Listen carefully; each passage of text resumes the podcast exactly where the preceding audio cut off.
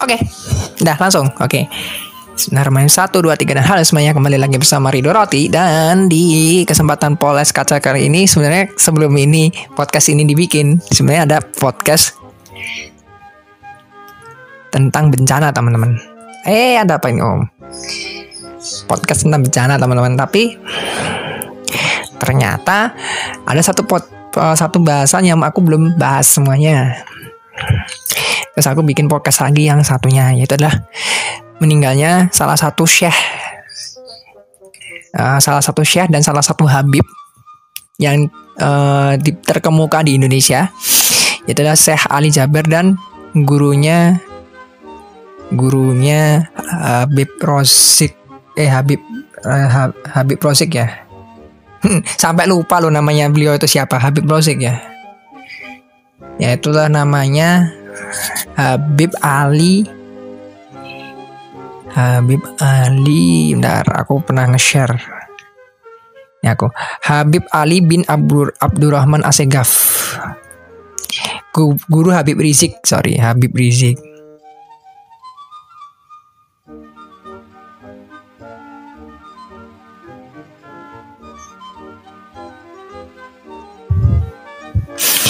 gitu.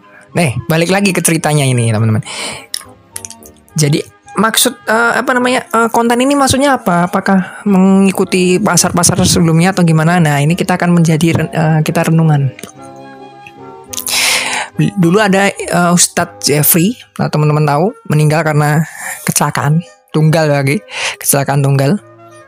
Terus beberapa apa namanya ada juga ustadz ustadz sampai aku lupa lo namanya siapa aja sampai lupa sampai banyak banget ustadz atau lama yang meninggal sampai lupa. Dan uh, teman-teman ya mau maaf ya teman-teman. Syekh Ali Jabir tuh aku belum awalnya nggak tahu loh. Sampai aku dikasih tahu kalau loh kok kayak orangnya terkenal dan aku pernah denger siapa ya? Oh ala yang ternyata ini Syekh ini emang yang dulu itu pernah sampai ditikam tapi beliau ini memaafkan orang yang menikam. Wah keren banget. Rasulullah banget coy. Itu Rasulullah banget coy. Rasulullah tuh pernah di apa namanya di istilahnya kayak digituin loh ya. Digituin tuh dilempar uh, mohon maaf ya dilempar tinja atau di tinja babi atau tinja apa namanya eh tinja babi tinja sapi tinja ayam atau tinja, se sejenis tinja lah waktu itu di rum di depan rumahnya beliau Rasulullah SAW terus pernah diejek pernah dilemparin batu waktu di Taif bayangin di Mekah sampai dimarah-marahin sama saudara-saudaranya, paman-pamannya dan dianggap sesat. Tapi beliau tuh tidak marah, coy. Dulu aku sampai ngomong di Quran di mana titik apa di mana disebutkan eh apa tolong bantu saya carikan satu kata di mana eh satu cerita di mana Rasulullah pernah menyebut orang lain kaum Quraisy adalah kafir. Yang jawab tuh semuanya pada ke surat al uh, surat al kafirun. Kalau surat al kafirun tuh pasti yang nyebut tuh bukan Rasulullah. Pasti itu yang nyebut adalah Allah. Allah dikasih ke itu kan Allah sendiri yang berdialog langsung kepada kaum kafir Quraisy melalui perantara Rasulullah. Tapi Rasulullah tidak menyebut kaum kaum Quraisy itu sebagai sebutan kafir. Teman-teman cari sendiri. Yang kedua, Rasulullah tuh tidak pernah berperang.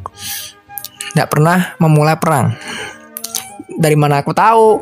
Bukan aku sebenarnya ada uh, penguat dari pernyataanku ini sebenarnya dari salah satu youtuberku sih youtuber favoritku. Emang dia ini kayak belajar belajar agama dulu sebelum jadi youtuber kayak. Tapi bener pada saat aku baca di mana ya titik uh, Rasulullah menye mulai menyerang apa mulai mulai perang ya? Aku sampai tidak nemu. Semuanya tuh dari pihak luar sih Bahkan untuk Fatul Mekah teman Fatul Mekah itu Rasulullah tuh tidak nyerang. Fatul Mekah itu karena uh, kaum kafir Quraisy itu udah uh, kekuatannya udah melemah. Rasulullah datang ke, ke balik ke Mekah. Terus akhirnya diterima karena udah nggak punya apa-apa lagi ya udah akhirnya kaum kafir Quraisy eh apa kaum kafir Quraisy kan jadi tersebut kan kaum Quraisy ini langsung bertobat ya tobat semua yang nggak tobat ya. Berarti yang nggak nggak tobat ya salah satunya Jahal Abu Lahab itu nggak tobat. Nggak tobat tobat tuh. Uh, gitu. Tapi bayangin ketika aku membaca semua ceritanya Rasulullah SAW tuh aku kayak ke, apa namanya aku tuh seperti terkagum-kagum sama manusia loh. Manusia dengan akhlak paling sempurna di dunia ini menurut aku ya menurut aku menurut saya teman-teman beda ya udah ya monggo ya. Menurut aku ini makhluk ini apa namanya manusia dengan akhlak tertinggi dan ter paling sempurna ini. Sebenarnya kita bisa kok. Kita tuh bisa coy. Cuman kadang eh, yang bikin kita nggak bisa itu adalah kita tuh masih punya nafsu. Loh hubungannya apa? Nah kita bahas di sini.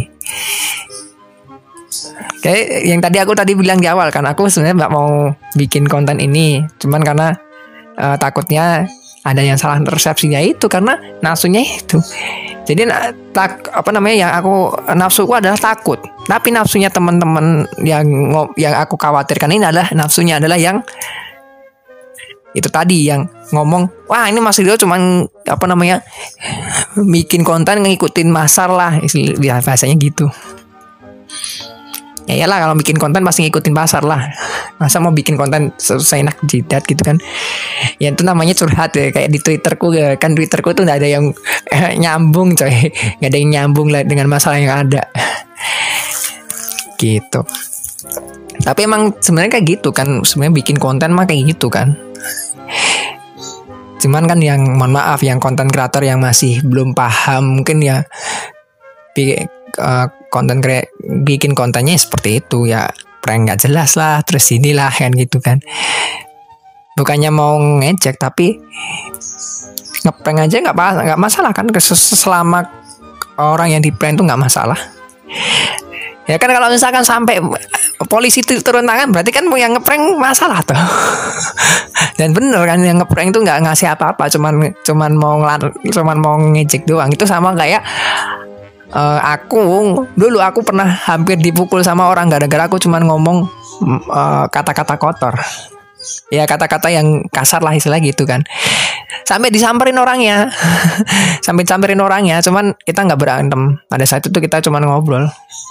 Oh ya kalau memang itu menurutmu salah ya udah. Dan itu pun katakanlah kalau misalkan oh Mas Rido sadar nggak pada saat itu? Ya aku aku langsung ngomong sebenarnya pada saat itu sadar aja sih sadar aja. Sadar maksudnya sadar dalam artian bukan sadar kalau aku ngaku ngakuin kesalahan tapi sadar kalau aku ngakuin ngomong kata-kata kasar itu tadi.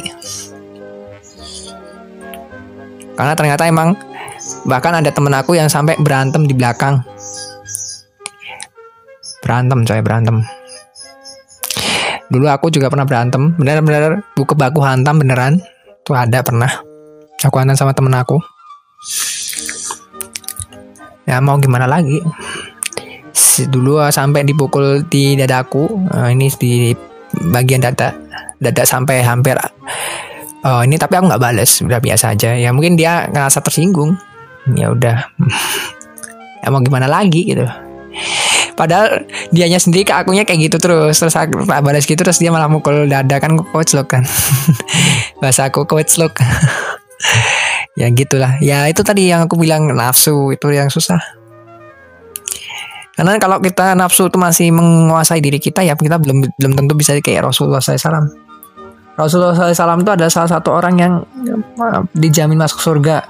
Bayangin salah satu orang yang dijamin masuk surga.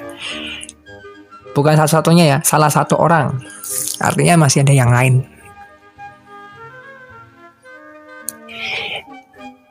dan banyak nggak aku pas ketemu banyak orang tuh pengen aku pengen kayak Rasulullah aku pengen kayak Rasulullah tapi kelakuannya nggak kayak Rasulullah. Ini gimana nih? Nah, bahasa aku serius lah. Bahasa aku serius lah. Kayak CS ku tadi malam. CS ku tadi malam tuh uh, ngeselin sih ngeselin banget itu. Uh, beneran jadi istri beneran beneran aku cubit beneran emang kadang dia tuh emang kadang ngeselin coy kayak gitu.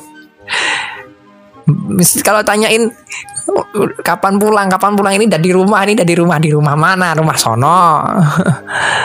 Ya ntar ntar ada waktunya sih buat ngelamar sih ya insya Allah. Aku udah target untuk pas ulang tahunnya dia yang tahun ini pengen ngelamar dia. Ya doain ya teman-teman. Karena berarti oh, waktuku untuk bikin kok bikin buku cuman beberapa bulan doang. Ini aku mau udah udah mulai dapat dua baris sih udah dapat mau satu paragraf sih ini. Ya itu tadi balik lagi ke cerita. Kok kok cerita tentang cahaya sih? Calon istri sih. Oh ya balik lagi ke ceritanya tadi. Itu tadi yang tentang nafsu si Ali Jabir ini salah satu oh, salah satu uh, mungkin ulama yang aku benar-benar segani loh ya. Bisa jadi salah satu ulama ya Ustadz Yusuf Mansur, Ustadz Agim, Agim, Ustadz Agim itu siapa ya? Nah, nama panjangnya. Ustadz Jeffrey almarhum, terus banyaklah ustadz-ustadz yang aku bener-bener kagumi. Nah terus kayak uh, Syafiq Reza bahasa lama, terus Ustadz siapa namanya? Ustadz Syafiq, Ustadz ini gimana Mas Ido? Oh ya ini tambah lagi Ustadz Adi Dayat, Ustadz Hanan Nataki, nah, teman-teman tahu. Nah kalau misalkan kayak Ustadz Syafiq Reza bahasa lama, terus Ustadz siapa lagi itu yang satunya tuh Abdu Abu Somad ya, Abdu Somad, Abdu Somad ya. Oh, Ustadz yang jadi PNS loh. Ya akhirnya dia keluar PNS, keluar dari PNS. Itu ya itu sempat aku agak sedikit kurang seneng sama kontennya, konten-konten beliau. Tapi pada saat aku dengerin uh, si siapa Ustadz Syafiq Reza Basalamah ceramah, aku ngerti sekarang kenapa aku benci sama konten beliau. aku ngerti. Jadi waktu uh, beliau ini uh, apa namanya beliau ini ceramah kan, habis itu kan uh, pada saat itu kan sholat Jumat teman-teman. Ya kan jadi beliau jadi khotib kan. Ceramah udah selesai. Dulu aku sama teman-teman kantorku itu nge, apa namanya kayak yang review si beliau ini. Dan pada saat aku ngerti ses ngerti kenapa kok banyak orang yang benci sama beliau ini karena kontennya ini kadang kan, kontennya ini adalah konten-konten yang menurut aku ada konten-konten yang membuat emosi bergejolak. Jadi beliau ini ngomong uh, uh, bicara tentang salah satunya adalah riba bank sih sebenarnya. Riba bank itu sebenarnya nggak usah dibahas. Katakanlah kalau misalkan kamu ngomong bank itu ada riba ya selesai gitu loh. Tapi kalau misalkan ada yang nggak riba ya udah gitu loh. Ada yang bilang nggak riba itu ya dihargai. Yang harusnya yang harusnya itu uh, kontennya beliau itu adalah sesuatu yang benar-benar uh, sebuah masalah yang benar-benar masalah banget. Tapi bukan masalah karena pandangan. Nah ya salah satunya tadi aku sebutin tadi yang riba bank itu salah satunya. Yang benar-benar masalah banget tuh bukan masalah riba banknya tapi bagaimana cara mengatasi kemiskinan. Nah, bagaimana cara mengatasi orang tidak produktif nah itu loh yang masalah itu Bagaimana uh, apa namanya bagaimana cara orang-orang itu bisa sholat tepat waktu. Ini ada ini baru azan nih teman-teman. Kalau misalkan dengerin azannya nggak apa-apa ya. Ntar aku apa pause dulu aja ya teman-teman. Pause aja dulu ya teman-teman. Oke, lanjut ya. Ini um, masih ada azan tapi azannya yang masjid yang jauh-jauh. Jadi kalau misalkan kedengeran ya udah ya. Balik lagi ke cerita yang uh, tadi Ustadz Riz Safik Reza ya. Aku ya aku kata aku nggak terlalu benci sama uh, beliau atau mungkin konten-konten beliau. Tapi kalau bahasa aku adalah konten yang seharusnya itu adalah lebih pantas kalau konten itu kamu kasih kekajian kecil. Kok bisa kayak gini? Jadi dulu waktu aku SMA atau SMP ya lupa. Ya pokoknya aku pada saat mulai-mulai hijrah gue bahasanya hijrah itu dulu kontennya adalah uh, tentang soft, merapatan soft. Jadi kalau misalkan ada salah, uh, satu aliran di Indonesia itu ngomong kalau soft itu rapatnya adalah antara jempol dengan jempol. Yang penting jempol dengan jempol. Katakanlah kalau misalkan ada spasi celah di antara jempol dan jempol itu tidak masalah. Karena itu nanti buat orang keluar. Kalau misalkan uh, bukan ngentut lah atau gimana itu buat orang luar. Jadi bisa uh, kita tinggal geser. itu yang pertama yang kedua masalah ketika sholat tak duduk tawaruk jujur aja nih teman-teman aku pernah cerita di beberapa podcast mungkin kalau misalkan udah diupload ya berarti di situ ya teman-teman jujur aja pada saat aku di kuliah pada saat aku kuliah setiap hari setiap sholat di masjid itu ndak ada yang uh, apa namanya ndak ada yang softnya itu cara ngerapetnya kayak gitu jadi bener-bener tumit dengan tumit alhasil apa aku dikasih soft dikit banget coy Kenapa kok bisa dikasih sop dikit banget? Karena uh, bau kan kecil, aku kan uh, orangnya kan kurus. Udah gitu bau kan nggak terlalu lebar. Dikasih sop se, se, se, se, selebar bahu doang ya kali.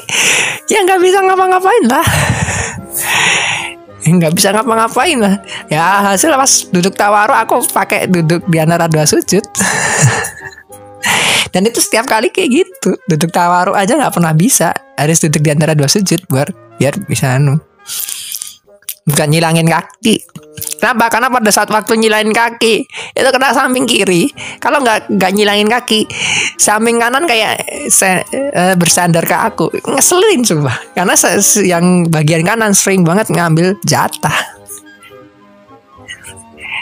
Karena dia langsung aja langsung aku aku sikat di intinya nggak paham nggak paham sama yang diomongin sama ustadz ustadznya jadi aku pas saat itu aku uh, sadarnya bukan di situ bukan di tumit dengan tumit terus karena efek itu bukan tapi karena di uh, dekat kosanku itu ada ada masjid di mana salah satu tetangga salah satu tetangga di sana ya orang masjidnya apa makmumnya di sana itu mohon maaf kakinya bermasalah. Jadi kakinya yang satunya muter, yang satunya nggak ada telapak kaki. Jadi telapak kakinya yang satunya muter ke belakang. Terus yang satunya tuh nggak ada telapak kaki. Jadi gimana caranya tumit dengan tumit kalau salah satunya nggak nggak ada telapak apa nggak ada tumit, tumitnya yang satunya eh mata kaki sorry mata kaki atau tumit, tumitnya di depan atau nggak ada tumit. Nah itu pertanyaan banget pada saat itu terus uh, ya udahlah kasih kasih jarak lah dan akhirnya sadar maksudnya e, merapatkan seperti itu tidak masalah tapi kebanyakan yang ngerapatin seperti itu malah kena e, apa namanya? Di overwhelming bahasaku Wezik bahasanya ngeri banget. Overwhelming. Maksudnya dijarah jadi yang harusnya teman-teman uh, ukuran softnya tuh satu setengah dari bahu teman-teman itu dijarah sama orang lain sehingga teman-teman uh, apa namanya tumitnya nyatu sama mereka terus sikunya teman-teman nyatu sama mereka nyatu sama si sampingnya. Nah itu dan itu sebenarnya masalah loh. Masalahnya ketika duduk tawaruk kenapa duduk tawaruk dia nggak tahu nggak ada tempat. Dia ngambil tempat akhirnya. Dulu sampai aku pernah uh, biar bisa duduk tawaruk aku ke depan depan dikit. Terus ada kadang aku ke belakang dikit. Kalau di sini di di mohon maaf di aku di rumah, alhamdulillahnya aku selalu bisa dapat duduk dawaru. Mau di sholat jamaah di masjid mana pun aku bisa dapat duduk dawaru. Karena ya itu tadi masalahnya itu. Terus uh, yang poin selanjutnya itu ada salah satu ustadz. Yang ustadz aku Abdul Somad aku belum terlalu paham ya ini ya. Ada salah satu ustadz aku nggak mau sebut namanya. Ya, ini Ustadz kondang di di Solo sih, Ustadz kondang di Solo. Pada saat kajian, wah kalau teman-teman tahu kajian harus sesuai dengan Al-Qur'an. Pas aku baca, ya Allah, apa pas aku dengerin, ya Allah ternyata masalah yang sepele dibalikinnya pakai Al-Qur'an. Ya Allah. nggak nyambung karena Al-Quran tuh nggak bahas masalah-masalah sepele masa-masa yang umum aurat umum kan umum bukan masalah bukan masalahku. Masalah umum. Maksudnya setiap orang masih mengalami sholat. Terus dengki apa penyakit penyakit hati. Setiap orang kan pasti mengalami. Terus apa uh, saran-saran seperti sholatnya seperti apa dan lain-lain. Itu kan umum kan? Nggak bahas tentang masalah-masalah yang sepele kayak aku kemarin kejedot ke pintu harusnya kayak gimana terus aku dibalik dibalikin wah aku ada Allah itu mah masalah yang bisa dipakai apa bisa diselesaikan tanpa menggunakan Al-Qur'an coy. Bukan berarti terus ngomong Al-Qur'an nggak powerful ya, tapi masalah seperti itu, masalah sepele-sepele seperti itu kayak kejedot pintu dan lain-lain itu uh, masalah yang yang sepele itu maksudnya apa? Sepele itu kita nggak bisa pandang saat cuma satu sudut pandang. Bisa jadi semua sudut pandang itu ada.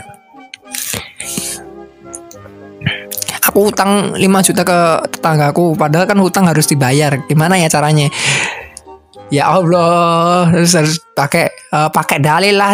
Ya, ngapain pakai dalil? Orang kalau misalkan eh, nggak uh, ada niatan buat ngebayar ya nggak akan kebayar lah mau pakai dalil lah mau pakai anu nggak akan bayar kalau misalkan ada niat.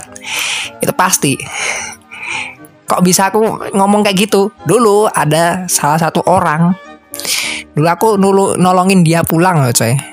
Sampai dia sampai dia uh, nakut nakutin aku pengen pulang naik mau ke pesawat pesawat uh, dia kan ceritanya uh, apa namanya ceritanya dia dari ceritanya dia itu KTP-nya apa namanya dia kemalingan.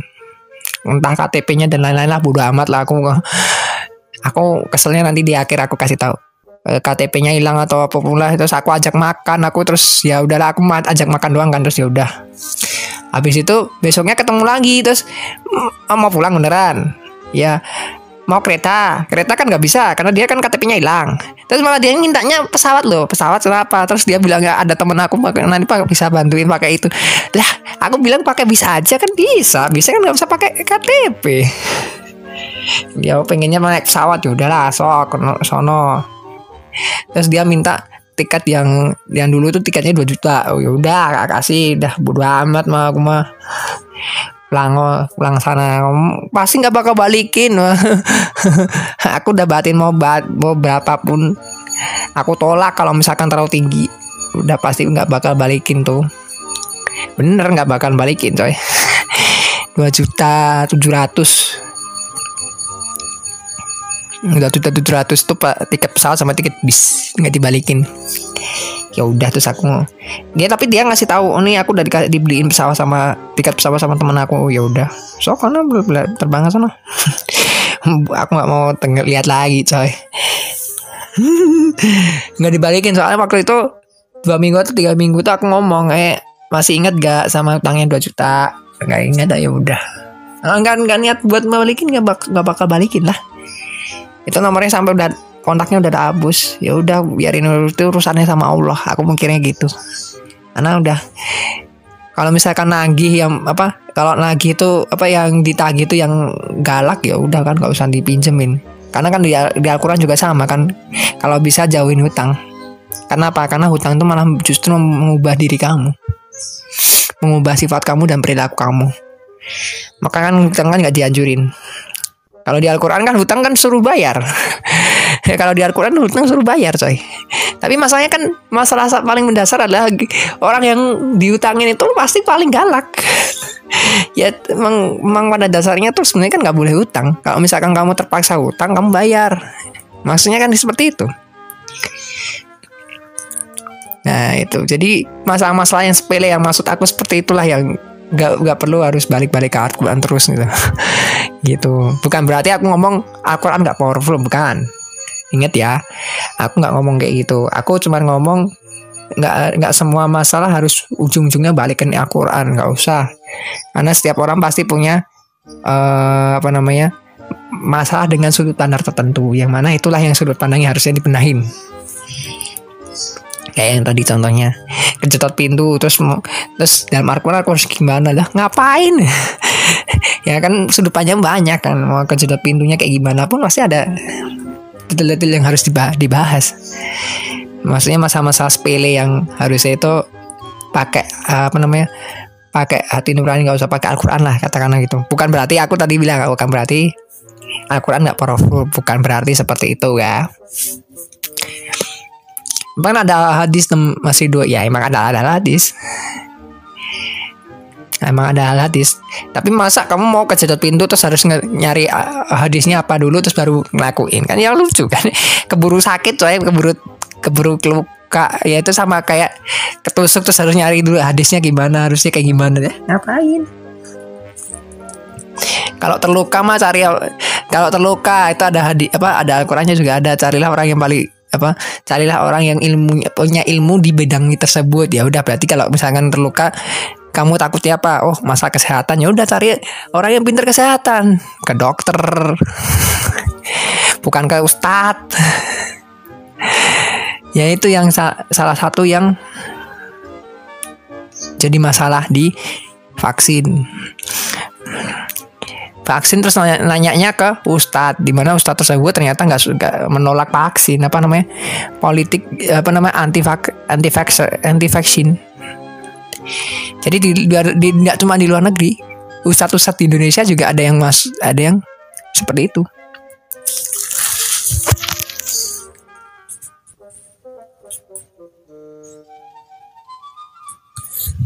Gitu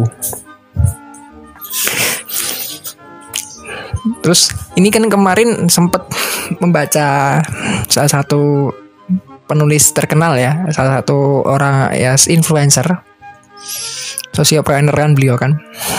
Karena aku baca uh, alasan kamu menyetujui setuju sama setuju atau tidak setuju vaksin? Uh, insya Allah aku nggak nggak sebut sebut namanya cuman se, se, uh, nulis uh, apa namanya uh, jawabannya banyak loh ada yang ngomong uh, sampai ngomong kesehatan tuh uh, miliknya Allah dan lain-lain. Ya itu tadi kayak aku bilang tadi. Sama kayak kejedot pintu tapi uh, nyari obatnya di Al-Quran. Kan nggak nyambung. Al-Quran tuh bener obat dari segalanya. Bener kan? Bener. Setuju nggak? Setuju. Semuanya setuju. Semuanya setuju. Tapi obat apa? Obat segalanya segalanya apa? Al-Quran nggak nggak ngebahas rantai kimia. Nggak ngebahas rantai kimia coy. Cari aja ayat-ayat yang ngebahas rantai kimia emang ada. Jangan kan rantai kimia kan berarti. Jangan kan rantai kimia gitu. Membahas tentang bakteri oh, emang ada. Jadi Al-Quran itu obatnya apa? Obat dari penyakit hati. Di mana penyakit hati itu bisa menggunakan bisa kena ke penyakit fisik. Makanya disebut obat segalanya obat segalanya. Kok bisa? Nah gini contohnya. Orang obesitas. Orang obesitas. Terus penyakit apa uh, kamu kamu cure pakai uh, Al-Quran. Tapi kamu nggak tahu masalahnya apa kan nggak nggak istilahnya kayak ya udah dia makan terus sampai obesitasnya ke kelebihan. Terus dia bilang kesehatan tuh miliknya Allah. Loh ya emang kesehatan tuh apa sehat atau enggak tuh Allah yang apa nah, itu kehendak Allah kan. Tapi kamu teman-teman ada usaha untuk sehat lagi ndak ini dari meninggalnya Syekh Ali Jaber kok sampai tentang ngomongin Al-Quran ya? Gitu. Ya bos udah intinya kan itu kan. Obes uh, apa namanya uh, penyakit obesitas itu karena apa? Karena sering kebanyakan makan. Kebanyakan makan tuh ada rakus. Jadi obatnya dari Al-Quran apa? Jangan rakus. Nah obat secara medis ya ya olahraga main pakai treadmill dan lain-lain lah. Itu seperti itu. Orang apa namanya? Orang kena tipes. Masalahnya apa? Masalahnya masih makanan tidak bersih masalahnya kan makanan tidak bersih. Jadi di dalam Al-Quran ada dikasih tahu cari makanan yang halal dan bersih yang kayak gini gini gini gini gini gini. Kalau kamu nggak yakin dengan tempat itu tinggalkanlah. Nah, kalau ragu tinggalkanlah. Makanya kan disuruh nyari kalau misalkan nggak ada apa cap halal jangan disamperin kan. Karena daripada kamu ragu kan gitu. Tapi kalau misalkan kamu yakin di situ halal ya halal udah selesai halal. Sertifikat halal buat uh, sertifikat halal sampai aku dulu dikasih apa namanya kan aku mau bikin usaha makan kan aku dikasih tahu legalitas gitu kan. Terus ada satu konten di di mana konten itu adalah sertifikat halal. Maksudnya apa? Sertifikat halal itu sebenarnya tujuannya adalah buat agar konsumen-konsumen muslim nggak ragu. Jadi bukan berarti terus nggak dapat sertifikat halal berarti nggak halal bukan. Justru kebalikannya sertifikat halal menjamin kalau makanan itu halal. Nah ini pemikiran ini harus di, dihancurkan. pemikiran-pemikiran yang oh kalau misalkan ada sertifikat halal berarti haram dong nah itu yang, ini inilah yang harus dihancurkan karena kan di ada di kehidupan tuh ada empat pilihan tuh ya teman-teman eh di kehidupan tuh ada x pangkat x. Pilihan. Eh, x pangkat y pilihan. Dan x pangkat y pilihan ini tergantung eh x1 pangkat x2 pangkat x3 pangkat titik titik titik sampai x pangkat n. Maksudnya eh, x xn sorry. X1 pangkat x2 pangkat x3 pangkat titik titik titik pang sampai pangkat xn maksudnya apa? Pilihannya manusia itu banyak. Bukan berarti pilihannya cuma dua kayak gitu. Itu tadi sertifikasi halal terus halal kehalalan. Berarti pilihannya ada empat. Ada sertifikasi halal tapi makanannya halal. Sertifikasi halal tapi makanannya haram. Sertifikasinya ada hal tidak ada sertifikasi halal nggak ada sertifikasi haram. Nah makanya terus dijaminnya pakai apa? Pakai sertifikat tadi. Kalau ada sertifikatnya berarti kemungkinan itu pasti halal. Karena di definisinya sertifikat halal itu adalah makanan yang disediakan pasti halal. Jadi yang nomor kepilihan kedua hilang. Yaitu ada yang dapat ada sertifikatnya tapi dijual uh, menjualnya makanan haram. Itu pasti kehapus. Gitu. Tuh yang sebenarnya masalah-masalah yang tadi saya tetangga ada yang jualan apa daging babi ya lah gitu kan ya terus apakah kamu terus ujung-ujungnya balikin ke dalil? Orang kamu nggak bakal di sana ngapain nggak ujung-ujungnya ke dalil? Kalau emang kamu itu haram buat kamu ya udah tinggalin nggak usah beli di situ. Dia mah mau, jual buat orang-orang yang mau aja. Ngapain nggak usah perlu kamu buat uh, apa namanya kayak orang mana bahasa aku agak kasar orang goblok ke depan ngomong Woi ini ini nih justru malah kamu meng, me, apa namanya? Kamu tuh melanggar salah satu ayat Allah. Itu adalah menghalangi rezeki orang. Menghalangi rezeki rezeki orang itu nggak boleh. Halal atau haram itu urusannya Allah. Oh ini rezekinya haram. Ya udah itu itu biar catatannya sama Allah bukan catatanmu. Kalau menurut kamu oh ini dia jualan makanan halal apa haram. Ya udah tinggalin aja. Selesai Dulu aku pernah makan di satu tempat di mana terus aku pas baca menunya loh. Ini kan bukannya makanan babi ya? Terus akhirnya aku nggak pernah makan lagi di situ. Padahal tulisannya ternyata sertifikat halal kan oh ya udah. Cuman bahasanya aja kayak babi maksudnya bahasanya kayak bagian di babi seperti itu. Nah intinya dari apa namanya dari meninggalnya uh, Syekh Syekh dan Habib Habib ini ke kok di ujung-ujungnya membahas Al-Quran adalah lihatlah cara cara cara beliau itu men, men, menafsirkan Al-Quran. Bagaimana cara beliau itu berkomunikasi dengan orang. Bagaimana caranya beliau-beliau ini uh, berada dalam kehidupan manusia. Gimana teman-teman? Nah itu lihat. Udah dikasih contoh sama beliau-beliau ini di mana mereka ini cara untuk berkomunikasi dengan manusia adalah dengan cara seperti ini Bagaimana cara menerapkan Al-Quran? Ya seperti ini. Nah, itulah mereka. Nah, faktanya sekarang orang-orang kenapa jauh dari Al-Quran? Bukan karena eh, nggak uh, dapat kajian salah. Karena mereka nggak tahu esensi dari Al-Quran itu sendiri.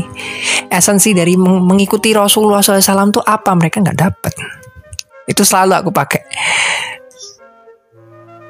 Kenapa? Kalau misalkan kamu udah tahu esensi dari sholat, esensi dari apa pun, mau kamu uh, apa namanya, mau waktu kamu dikasih waktu cuma 5 menit doang, pasti kamu bakal bergerak. Gak usah pakai ngancam-ngancam neraka atau mungkin ngancam-ngancam dosa 50 50 tahun, gak usah. Kayak contohnya yang uh, kedukun, kan kedukun uh, hukumannya kan 40 hari 40 hari sholat tidak terima Nah, orang masalahnya itu bukan di situ kan, bukan masalah diancamnya. Orang itu udah nggak punya pikiran dan dalam hatinya dia tuh masih ada dendam, masih ada marah. Aku pengen si orang ini uh, harus kayak gini. Atau aku pengen apa nafsunya nafsunya dia tuh masih tinggi. Ya terus akhirnya apa? Dia gimana caranya biar aku tuh bisa menghancurkan dia? Gimana caranya? Ya udah ya apa yang dia lakuin pasti kedukun paling paling ampuh paling kedukun nggak usah pakai salah dalil kalau aku ngomong. Dalilnya adalah pada saat kamu pada saat dia mau kedukun kamu kasih tahu kamu ngapain kedukun oh masa aku aku tuh pengen gini gini gini gini oh ya udah. Terus solusinya gimana? Bukan terus akhirnya solusinya kamu tuh kalau kedukun sholat 40 hari ditolak mau dia buang bodoh amat. Dia mah bodoh amat yang penting masalahnya kelar. Gitu. Kayak kemarin uh, salah satu apa aku masih bahas tentang teman itu temanku lagi. Uh, ya teman teman sih ya temannya. Salah satu cara untuk memutus silaturahim itu dengan cara itu ya dengan cara diblokir. Itu aku dari awal kayak gitu. Kenapa sekarang kalau diblokir dengan alasan nggak nggak nggak mutu seperti itu ngapain gitu diblokir? Katakanlah emang kalau kamu nggak suka sama orang ya udah. Nggak usah dijawab kan selesai uh, salah satu temanku ya ini mohon maaf lagi ya kalau misalkan nyinggung lagi. Salah satu temanku aku kan kemarin mimpi sesuatu kan cerita ke aku. Aku nggak jawab itu dia. Karena benda benda lagi dia ternyata benar lagi dia menikah. Dia lamaran nah, ya udah. Kebetulan aja aku nggak jawab. Aku cuma punya feeling Oh kayaknya nih dia bakalan dilamar Eh bener. Dua minggu kemudian dilamar. Lamarannya dia. Kan kocak. Ya maksudnya caranya seperti itu. Aku nggak mutusin silaturahim ya. Kalau misalkan dia nanya ya aku jawab oh ya baik itu selesai. Nggak harus pakai blokir blokir segala. Kalau misalkan menurut aku blokir blokir ya berarti yang mutus silaturahimnya si Ana gitu. Loh kalau emang kamu nggak suka sama seorang ya udah biarin aja ya tahan aja. Kayak contohnya kalau misalkan aku nggak suka sama si X gitu kan ya udah. Ya udah biarin aja dia nggak apa aku nggak suka biarin aja gitu. Nggak nggak perlu pakai anu. Kalau misalkan sampai ada keinginan menghancurkan hidupnya si X ya itu baru. Di situlah Al-Quran sebagai obat. Hadisnya banyak.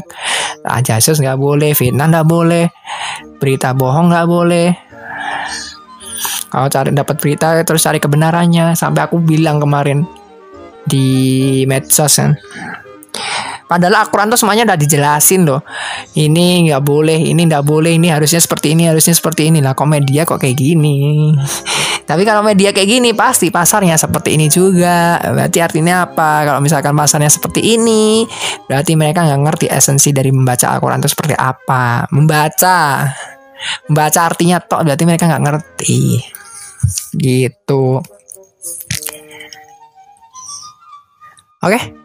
udah udah udah terlalu lama teman-teman ya seperti itu mungkin esensi dari apa uh, hikmah dari bukan berarti terus senang ya sama meninggalnya Habib ini enggak maksudnya bukan itu maksudnya dari uh, esensi dari uh, konten ini adalah lihatlah ulama ulama-ulama akan dicabut nyawanya dan pasti akan dicabut juga ilmunya Semakin banyak ulama yang dicabut nyamanya oleh Allah, maka semakin sedikit ilmu yang akan tumbuh di kehidupan masyarakat. Itu sama kayak yang ya sama kayak uh, uh, nebang hutan. Semakin banyak orang nebang hutan ya semakin sedikit kan oksigennya. Ya akibatnya banyak terjadi musibah. Ya itu salah satunya seperti itu. Bagaimana caranya? Ya kita kita preserve Bagaimana preserve? Kamu siapa pun kamu yang dengerin ini, aku doain kalian adalah sebuah, seorang influencer yang benar-benar influencer sesuai dengan uh, jalan muslim. Katakanlah kalau kamu non muslim sesuai dengan jalanmu masing-masing di dalam agama masing-masing. Temen aku beberapa ada yang uh, influencer non muslim loh, maksudnya influencer Kristen loh, ada loh. Uh, salah satu rekan kerja aku di Jakarta Beliau ini adalah seorang influencer uh, Kristiani. Dan aku malah justru senang dengan konten-konten beliau, mbak, di mana konten-konten beliau tuh nggak pernah meng, meng, meng, meng, apa namanya meng, melaknat orang lain. Justru dia tuh kontennya adalah kayak ngajak, ayo uh, apa ayo ini lebih baik ini lebih baik ini lebih baik. Lah ya mau kontennya kayak gitu tuh dari Islam. Kontennya selalu yang dibahas neraka neraka neraka dosa dosa neraka dosa neraka. Ya Allah apakah agama ini hanya cuma ngancem bang? Bahas tentang gimana caranya untuk uh, bersosialisasi dengan baik, gimana caranya untuk anu, Bahwa yang dibahas kayak gitu, gimana caranya untuk berhutang.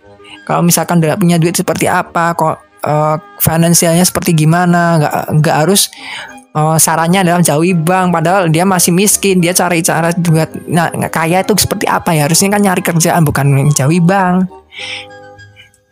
Dulu aku pernah dikasih tahu loh ya, ada seorang keluarga ada seorang keluarga ini ada aku pernah baca konten ada seorang keluarga cabut dari kerjaannya karena dari ustadz yang dia ikuti dia bilang si ustadz ini bilang jauhi bank karena bank itu riba dan kebetulan si ini kan kerja di bank akhirnya terus dia kerja bagi uh, di di bagian uh, perusahaan lain gitu yang yang bukan bank pokoknya. Terus akhirnya dikasih tahu ini halal, apa haram.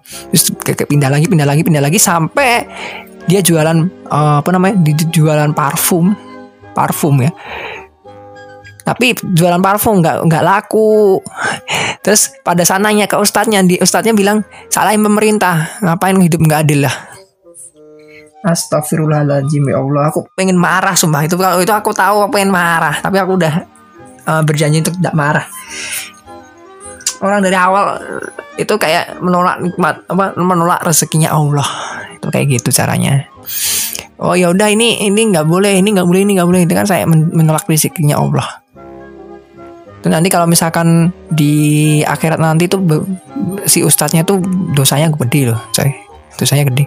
Salah satunya adalah mengajak orang untuk menolak rezeki dan mengajak orang untuk lalim ke penguasa. Itu nggak boleh loh. Membangkang membangkang dari apa menggangkan dari pemimpin tuh nggak boleh loh. Dalam dalam Islam tuh ada loh hadisnya. Hadisnya Al-Qur'annya juga ada loh. Ini sampai aku ngomong sama teman kerjaku yang kebetulan dia kan mualaf kan. Aku kasih tahu. Kan dia cerita tentang covid kan. Covid kok nggak nggak selesai selesai terus aku bilang sebenarnya itu di Al-Quran tuh udah dikasih tahu loh uh, ini kan kebetulan cewek ya. Di, di Al-Quran tuh udah dikasih tahu loh mbak. Apa mas itu kasih tahu. Ikutilah Allah, ikutilah Allah, ikutilah Rasul dan ikutilah ulil amri alias pemimpin. Lah suruh ngikutin tapi nggak mau ngikutin ya udah toh. Ya makan makan sendiri konsekuensinya. Aku bilang kayak gitu. Suruh ngikutin Allah nggak mau, suruh ngikutin Rasulullah nggak mau, suruh ngikutin pemimpin yang ada nggak mau. Ya kalau terus gini-gini ngeluh sama pemerintah, ngeluh sama Allah. Lah lah dia nggak mau ngikutin apa yang Allah mau kok. Ya itu konsekuensinya dia ya kak. Ya itu bahasa aku kalau misalkan kasar bahasa aku ya mampu saja kan gitu. Bahasanya kasarnya kan gitu. Ikutilah Allah. Maksudnya apa ya? Kalau misalkan tuh haram ya udah tinggalin. Kalau misalkan tuh halal itu ikutin. Kalau misalkan ini nggak boleh ya tinggalin gitu. Selesai itu ikutin Allah, ikutin Rasul seperti apa ikutin Rasul Rasul tuh mintanya seperti ini ini ini ini ini. Kelakuannya seperti ini akhlaknya seperti ini. Ikutin. Ikutin ulil amri. Ulil amri itu siapa? Pemimpin pemimpin yang ada di sana. Katakanlah kalau kamu oposisi itu is okay. Aku nggak pernah bilang oposisi itu salah. Oposisi itu it's okay. Tapi ketika kalau semua keputusan pemimpin kamu tolak, itu namanya bukan lagi oposisi, tapi namanya pembangkang oposisi itu adalah ketika pemerintah mutusin seperti ini misalnya si katakanlah si A. Terus kamu sebagai oposisi yang ngomongnya lo si A ini apa putusan A ini bisa jadi orang-orang seperti ini tuh. Untung kamu harusnya ngambil ngambil duit dari sini biar ada duitnya. Salah satu contohnya yang vaksin gratis Nah, terus ada aku nemu kritik kritik yang bagus banget. Kok semuanya digratisin? Ya salah no. Yang digratisin tuh yang nggak mampu, yang mampu mah nggak usah digratisin. Bayar suruh bayar. Jadi pemerintah biar yang satu pemerintah hemat segini, yang kedua bisa jadi bayarannya tinggal tinggiin dikit. bisa bayar semuanya. Aku malah setuju seperti ini. Tapi masalahnya sama satu. Orang apa namanya surat keterangan tidak mampu tuh bikinnya gampang, tinggal ngasih duit ke sana selesai. Mereka bisa ngasih duit ke pihak yang bikin surat buat gak mampu, gitu. Ya, tapi itu aku ngomong itulah oposisi yang bener, oposisi yang sangat bener. Seperti itu. Oke. Oke, makasih teman-teman yang udah dengerin. Jangan lupa like, share, dan subscribe seperti biasa. Renungan kali ini cukup sekian ya teman-teman. Semakin banyak ulama yang cabut, berarti semakin banyak, semakin sedik, semakin banyak ilmu yang hilang. Semakin banyak ilmu yang hilang, maka semakin tandus, apa semakin tandus pengetahuan ma masyarakatnya. Jangan sampai ketika ulama udah ndak ada semua, terus kita baru menjadi seorang sebuah pohon. Itu sebenarnya sama aja telat seharusnya kita tuh menjadi pohon-pohon yang kecil. Pohon-pohon yang kecil untuk melindungi masyarakat-masyarakat yang belum bisa belum bisa tumbuh. Maka dari itu aku sebagai influencer aku nggak mau aku nggak mau ngasih uh, cerita atau ngasih nasihat yang salah. Nggak mau ngasih marah-marah atau ren atau gimana aku nggak mau. Aku pengen sama-sama kita masuk surga bareng-bareng. Selesai Siapa pun orang yang mendengarkan ini, aku yakin dan aku yakini pasti akan mendapatkan surga dengan jalannya masing-masing. Nah, aku nggak akan pernah ngerti uh, jalannya ke ke sana itu seperti apa, aku nggak tahu. Al-Quran udah jadi pedoman, Al-Hadis udah jadi pedoman buat umat muslim. Kalau misalkan non-muslim pasti um, uh, pedomannya masing-masing kitab. Masing-masing kitab dan masing-masing pendeta. Atau mungkin uh, guru agamanya masing-masing lah katakanlah gitu. Tapi balik lagi di eh, apa namanya perumpamanku. Manu, apa manusia yang ber, beragama itu sama seperti sebuah beragama ya. Termasuk kalau misalkan ateis itu sebenarnya agama sih menurut aku. Ateis itu kalau menurut aku sih agama sih. Karena dia mau percaya bahwa Tuhan itu nggak ada kan berarti agama punya agama tuh yang nggak punya agama itu aku bingung. Ya itu juga agama coy. Nggak punya agama itu ya agama. Karena dia punya kepercayaan dia bahwa agama yang ada itu tidak men menyelesaikan masalah. Makanya aku bilang orang yang berilmu itu sama kayak pohon. Semakin banyak orang-orang pintar tercabut ya semakin banyak pohon-pohon besar itu hilang. Kalau pohon-pohon besar hilang tapi pohon yang kecil-kecil ini belum tumbuh ya ketika ada bencana, ketika ada apa pun, ketika hujan, ketika apa pun, eh, pohon-pohon kecil inilah yang akan menjadi korban. Dan maka dari itu, kenapa kok uh, alasan kenapa kok sekarang uh, banyak yang menjauhi Al-Quran karena influencer-influencer udah telat dulu. Di saat ulama-ulama udah dipanggil ke rahmatullah, influencer-influencer ini belum belum settle, belum settlement. Akibatnya telat. Dan maka dari itu ini aku juga tanggung jawabku, teman-temanku yang di sini yang mendengarkan ada tanggung jawab teman-teman juga untuk menjadi seorang influencer yang baik di bidang masing-masing. Dan aku, aku nggak mau aku menjadi contoh yang buruk bagi orang lain. Maka dari itu aku selalu mencoba untuk menjadi yang baik dan yang lebih baik lagi. Karena bagiku, aku pengen jadi sebuah pohon yang tinggi, pohon yang besar dan rindang. Tetapi pohon yang rindang itu bukan berarti pohon yang selalu dicabuti buahnya. Pohon yang rindang itu adalah pohon yang akan nantinya menghalangi semua bencana yang ada, semua bencana yang datang, sehingga pohon-pohon kecil, pohon-pohon yang sedang tumbuh itu nggak akan mati. Itulah yang aku selalu pegang di dalam hidupku. Makasih Anda dengerin. Jangan lupa like, share, dan subscribe. Kalau teman-teman dengerin di YouTube, jangan lupa subscribe. Teman-teman misalkan dengerin di Spotify, jangan lupa di save. Dijadiin playlist ya teman-teman. Kalau misalkan di Facebook ataupun di Line, jangan lupa like. Karena ini memang benar-benar butuh banget buat aku. Buat bikin konten untuk selanjutnya lagi ya teman-teman. Meskipun ini podcastnya podcast yang nggak pakai mic ya teman-teman. Podcast yang keren ini, nggak pada mic, nggak ada nggak ada materinya, yang penting ngomong aja gitu. Oke, dan salam Uh, dan sampai jumpa di kesempatan podcast berikutnya. Dan tetaplah berkilau.